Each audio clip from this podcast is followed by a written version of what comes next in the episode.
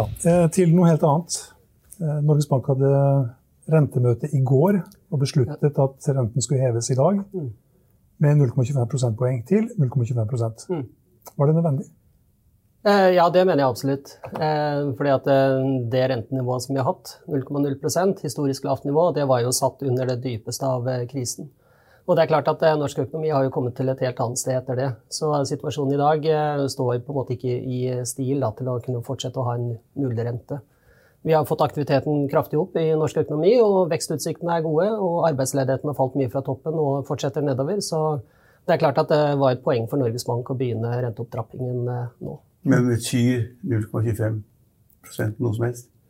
Nei, men det kommer flere på rampen, Ja, ja, okay, så- men- så det er jo kanskje det mer spennende her fremover. Men, så den marginale økningen nå, som er altså fra 0 til 0,25, Mm. det betyr jo ingenting. Nei, den er liten, men så kommer det en ny en i desember, I Kanskje. Norges Bank. Kanskje. Eh, ja, det tror jeg er ganske sikkert. Ja, kanskje. Eh, ja, ok, vi kan ikke om sagt det. men- kommer.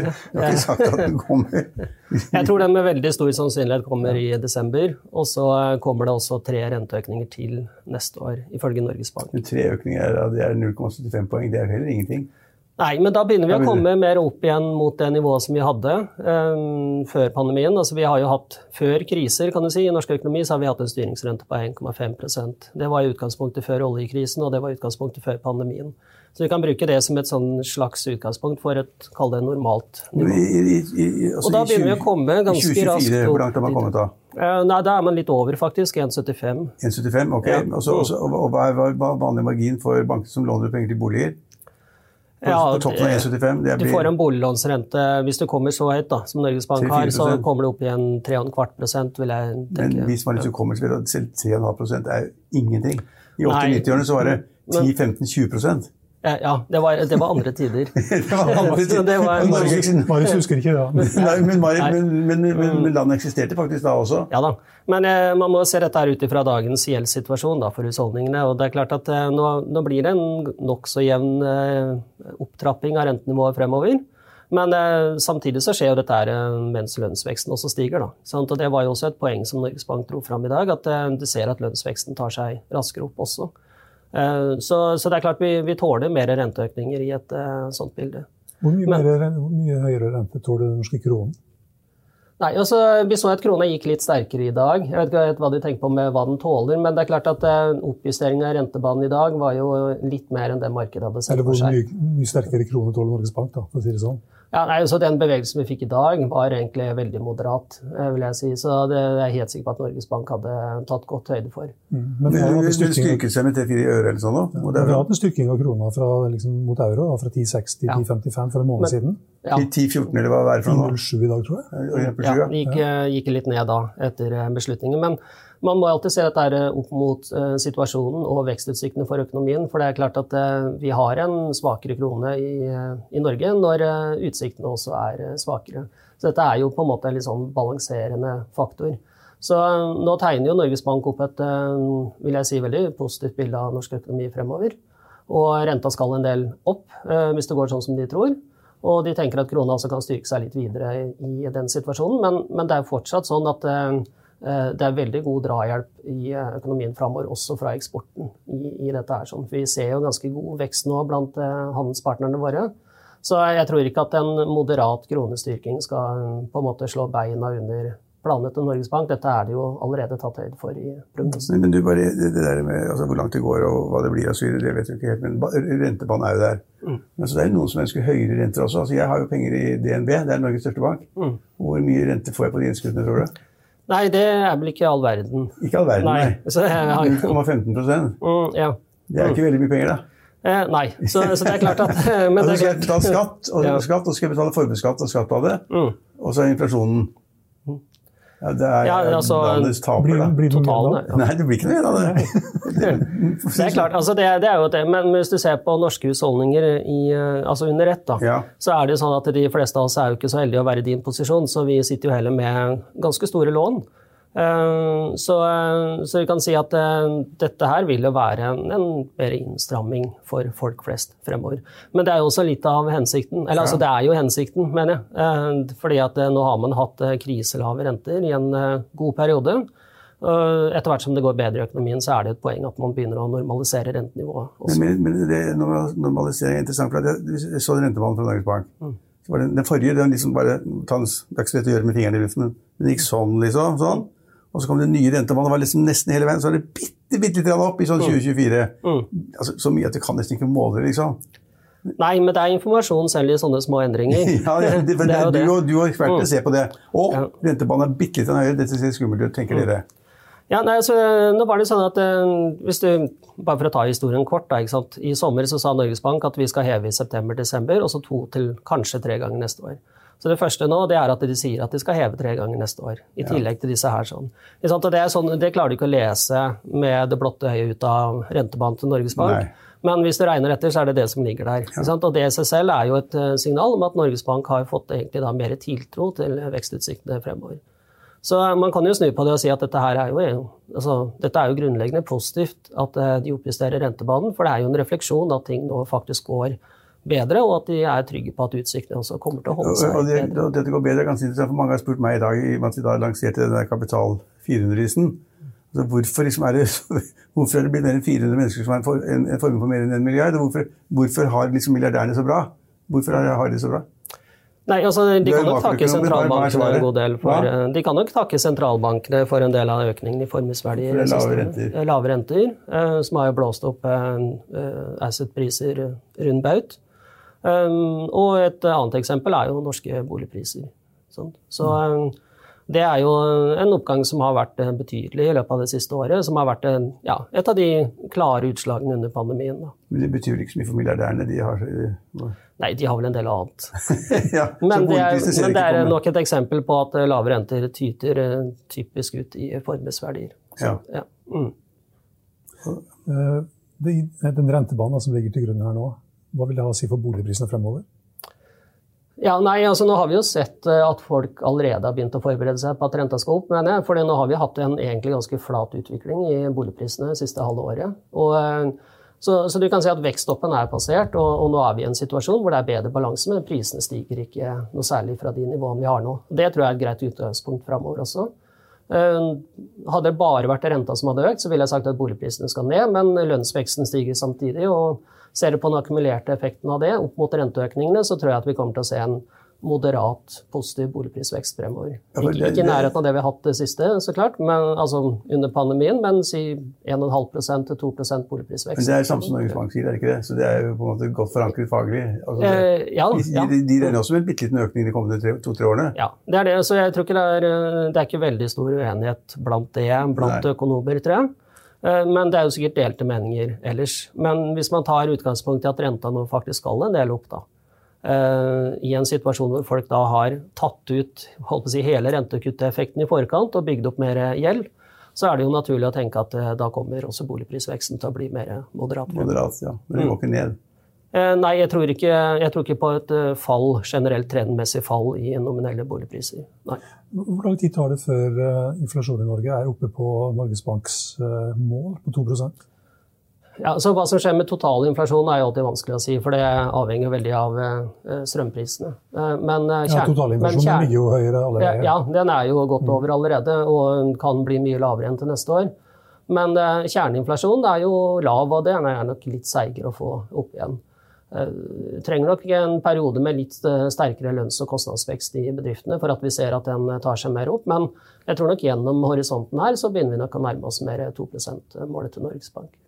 Nå har vi hatt litt spesielle forhold som har gjort at eh, kjerneinflasjonen har blitt såpass lav som den er nå, for nå er den jo nede på nesten Ja, den er jo på ett-tallet. Ja. Mm. Uh, og det er jo Den er på 1 nå, kjerneinflasjon. Ja. ja. ja. Uh, Kopi eller inflasjon ja, ja, det er ikke mye justert for avgiftsenergi. Mm. Mm. Men det er jo fordi at eh, ja, En ting er jo på en måte den situasjonen vi har hatt i norsk økonomi, eh, men eh, det er jo også det at den voldsomme kronesvekkelsen som vi fikk i starten av pandemien, ble jo raskt reversert. Så vi fikk jo da først veldig høy kjerneinflasjon fram til høsten i fjor. Mm. Og så går krona den andre veien, så får du da motsatt motsatte når kjerneinflasjonen blir veldig lav i en periode. Men eh, det er klart at det er en forbigående effekt, og så får vi se hvordan det ser ut eh, etter at det støvet har lagt seg. og Da er det mer det underliggende kostnadspresset i økonomien som påvirker eh, kjerneinflasjonen, og da tror jeg det er gradvis på vei opp. Men man kan vel ikke begynne å snakke om liksom, å øke renten for å dempe inflasjonen når det ligger på 1 det er, liksom- Nei, og den falt jo faktisk fra Ja. ja. Hadde den ligget på juli. 5 og så vil inflasjonen gå til 6% eller ligge på 3 eller gå til 4 Mm. eller, Så måtte man begynne å røre på seg ganske kraftig. Men altså, det der er jo Nei, men altså, Norges Bank har jo da lenge vært klar over at det vil ta tid å få inflasjonen opp. altså Få kjerneinflasjonen Ja. mer stabil opp. og Det ser de gjennom. Og så er de mer opptatt av å få renta opp i forhold til den situasjonen vi ser i økonomien. Men det som var et interessant grep i dag, eh, og som jeg regna med at de ville gjøre, det var at de likevel sier at inflasjonsutsiktene, kjerneinflasjonsutsiktene fremover er sterkere enn de trodde i juni. Og det er fordi at vi nå ser litt mer rett og slett kall det mismatch-problemer i arbeidsmarkedet. Vanskelig Ja. å få tak i den arbeidskraften bedriften ønsker, selv om ledigheten fortsatt er litt høy. Eh, Og det betyr at eh, lønnspresset bygger seg opp, og det gir sterkere inflasjonsimpulser i neste runde. Er, er, Så- er det 90 000 ubesatte stillinger tom, nå? 90, er, det- er det det? Ja, jeg sant? jeg leste det i dag. Ja. 90 000 ubesatte stillinger, og så er det og så er det 150 000 ledige. altså Jeg skjønner ikke helt hva det er. Ja, nei, altså det, er mismatch. Det er en mismatch. Altså det ser i hvert fall rart ut når du plotter i en graf, eh, og så må man begynne å lete etter forklaringer. Men, det, men eh, som sagt, ledigheten i Norge har falt veldig raskt eh, Mm. fra toppen, men den er fortsatt sånn at vi kan si at den er litt høy i forhold til Det var jo normalsituasjonen. 400 000, da. Uh, ja, ja, Det ja. ja, 400 000. ja, og det kom i løpet av et kvarter, så det var jo en, en spesiell Altså, det falt i situasjon. 150, ok. Ja. Så, men, eh, men eh, ja, nei, men, men uansett, når du ser på liksom, forholdet mellom den, eh, ja, det bedriftene etterspør av arbeidskraft, opp mot at vi fortsatt har en del arbeidsledighet, sett opp mot en normal situasjon, så, så er det åpenbart at her er det det vi kaller mismatch-problemene. Noe av det er nok knytta opp mot at arbeidsinnvandringen er lav. Det har vi jo sett en del eksempler på gjennom året innenfor ja, fiskeri og havbruk innenfor eh, landbruksnæringen bl.a. Og så er det jo en del av disse sektorene som nedbemanna veldig hardt under pandemien innenfor tjenestesektoren, som sliter med å hente tilbake igjen arbeidskraft som da har gått inn i andre yrker. Så, eh, men det Norges Bank sier, er at eh, på marginen da, så tror de at dette gir litt sterkere lønnspress framover. Men det som bare siste poenget her, jeg tror ikke at dette her er en varig effekt. sånn i utgangspunktet, fordi at nå har vi jo sett også i det siste at ledigheten tross alt har falt ganske mye også de siste ukene. Så det er jo et tegn nå på at eh, kanskje den koblingen da, mellom tilbud og etterspørsel i arbeidsmarkedet har, eh, har fortsatt å bedre seg. Men hva er ledigheten? 5 Eh, nei, registrerte ledigheten ligger rundt 2,5 ja, ja, men da er det bare. Men hvis du tar altså, de som er registrert ledige, de som er delvis ledige og de som er på tiltak, så blir det fem. Ja, ja hvis, du, hvis du tar eh, liksom, ser på hele. Hele pakka? Ja. Ja, ja, de, hvordan de gjemmer det bort. Det får, men altså, de som ikke har jobb, altså, ikke, i tillegg til de, de registrert arbeidsledige, Mm. så blir det 5% eller sånn. Ja, det stemmer nok. Ja. Men, det, men det man ofte ser på, er de som er registrert som helt ledige. Ja, ja, og da blir det eller. Ja, og så er det litt sånn eh, Normalt sett så er det der du ser liksom de konjunkturelle utslagene. Og, eh, så, så det er på en måte det målet som Norges Bank også refererer til da, når de ser på hvor er ledigheten nå, kontra en mer Ja, normal ja, altså, jeg har jo et hotell ute i Asker. Uh, og det er jo helt umulig for, for, for folk. Mm. Altså, det er litt sprengt. Det er alle rom er fulle, og møterommene er fulle. Man, det er så vidt man klarer å gå rundt, for man får ikke tak i folk. Nei, nei, nei. mange flinke, var- mange ja. Mm. flinke, som du var inne på, mange flinke mennesker som har, de har sluttet. Så har de begynt i andre yrker, så kommer de ikke tilbake igjen. Det er et kjempeproblem. Mm. Ja. Og jeg tror ikke det bare er mitt hotell i Asker, jeg tror det er hele landet. Vanskelig å få tak i folk innen hotellnæringen. Ja. Og det var, det var et poeng i den siste rapporten fra Norges Banks regionale nettverk som kom i forkant av i dag, så, så var det nettopp pekt på sånne forhold. Og det var jo også en viktig grunn til at vi trodde at de da ville justere litt opp. Men da kan de også da oppheve eh, kontrollen eller hva det måtte være på, på grensen. Da Slippe mer innvandrere fra Polen og andre land som jobber for 50 mindre enn sånn. Ja, altså, man, de, de står jo i kø hvis du vil ha folk fra ja, Latvia. altså man regner jo med at arbeidsinnvandringen kommer til å ta seg opp. de opp må jo ta seg opp. Eh, Ja, jeg håper jo det. Eh, Men eh, samtidig så, som Norges Bank, da, det er jo alltid på ene og andre siden, og ting kan gå galt osv., man vet ikke. Men i utgangspunktet så, så burde man jo forvente at arbeidsinnvandringen tar seg opp også fremover. For å dekke mismatchen. Ja, for jeg tror som sagt at noe av mismatchen skyldes at, at eh, vi har lav arbeidsinnvandring i, eh, ja, i en pandemisituasjon. Mm. Her, eh, og alle disse temaene her kunne vi snakket om i hvert fall en time til, tror jeg. Ja. Vi kunne ha vært innom USA, som holdt renten uendra i går. Bank of England, som holdt renten uendra i dag. Og forresten et land som satte ned styringsrenten i dag. Nei, Jo, hva var det for Var det Sverige, da? eller? Tyrkia satt ned fra 19 til 18 mm. Ja, hvorfor gjorde de det? Ni- ni- Fra 19 til 18, ja. Ja. ja.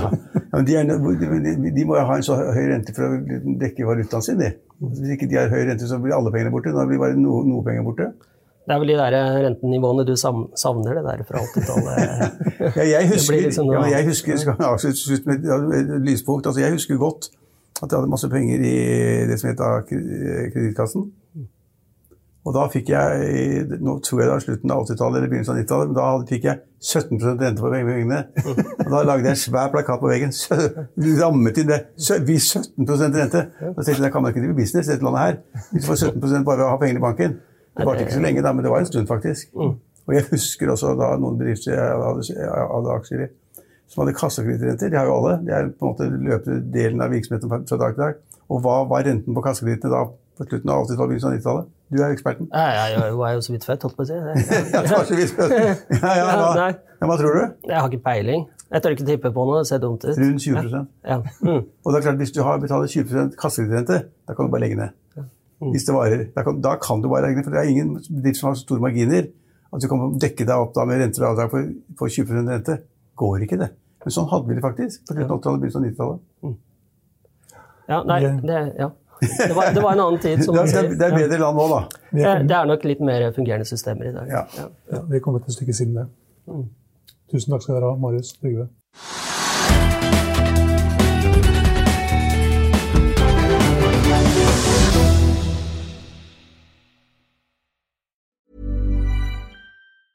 Planning for your next trip? Elevate your travel style with Quince. Quince has all the jet setting essentials you'll want for your next getaway, like European linen premium luggage options, buttery soft Italian leather bags, and so much more. And is all priced at 50 to 80% less than similar brands. Plus, Quince only works with factories that use safe and ethical manufacturing practices.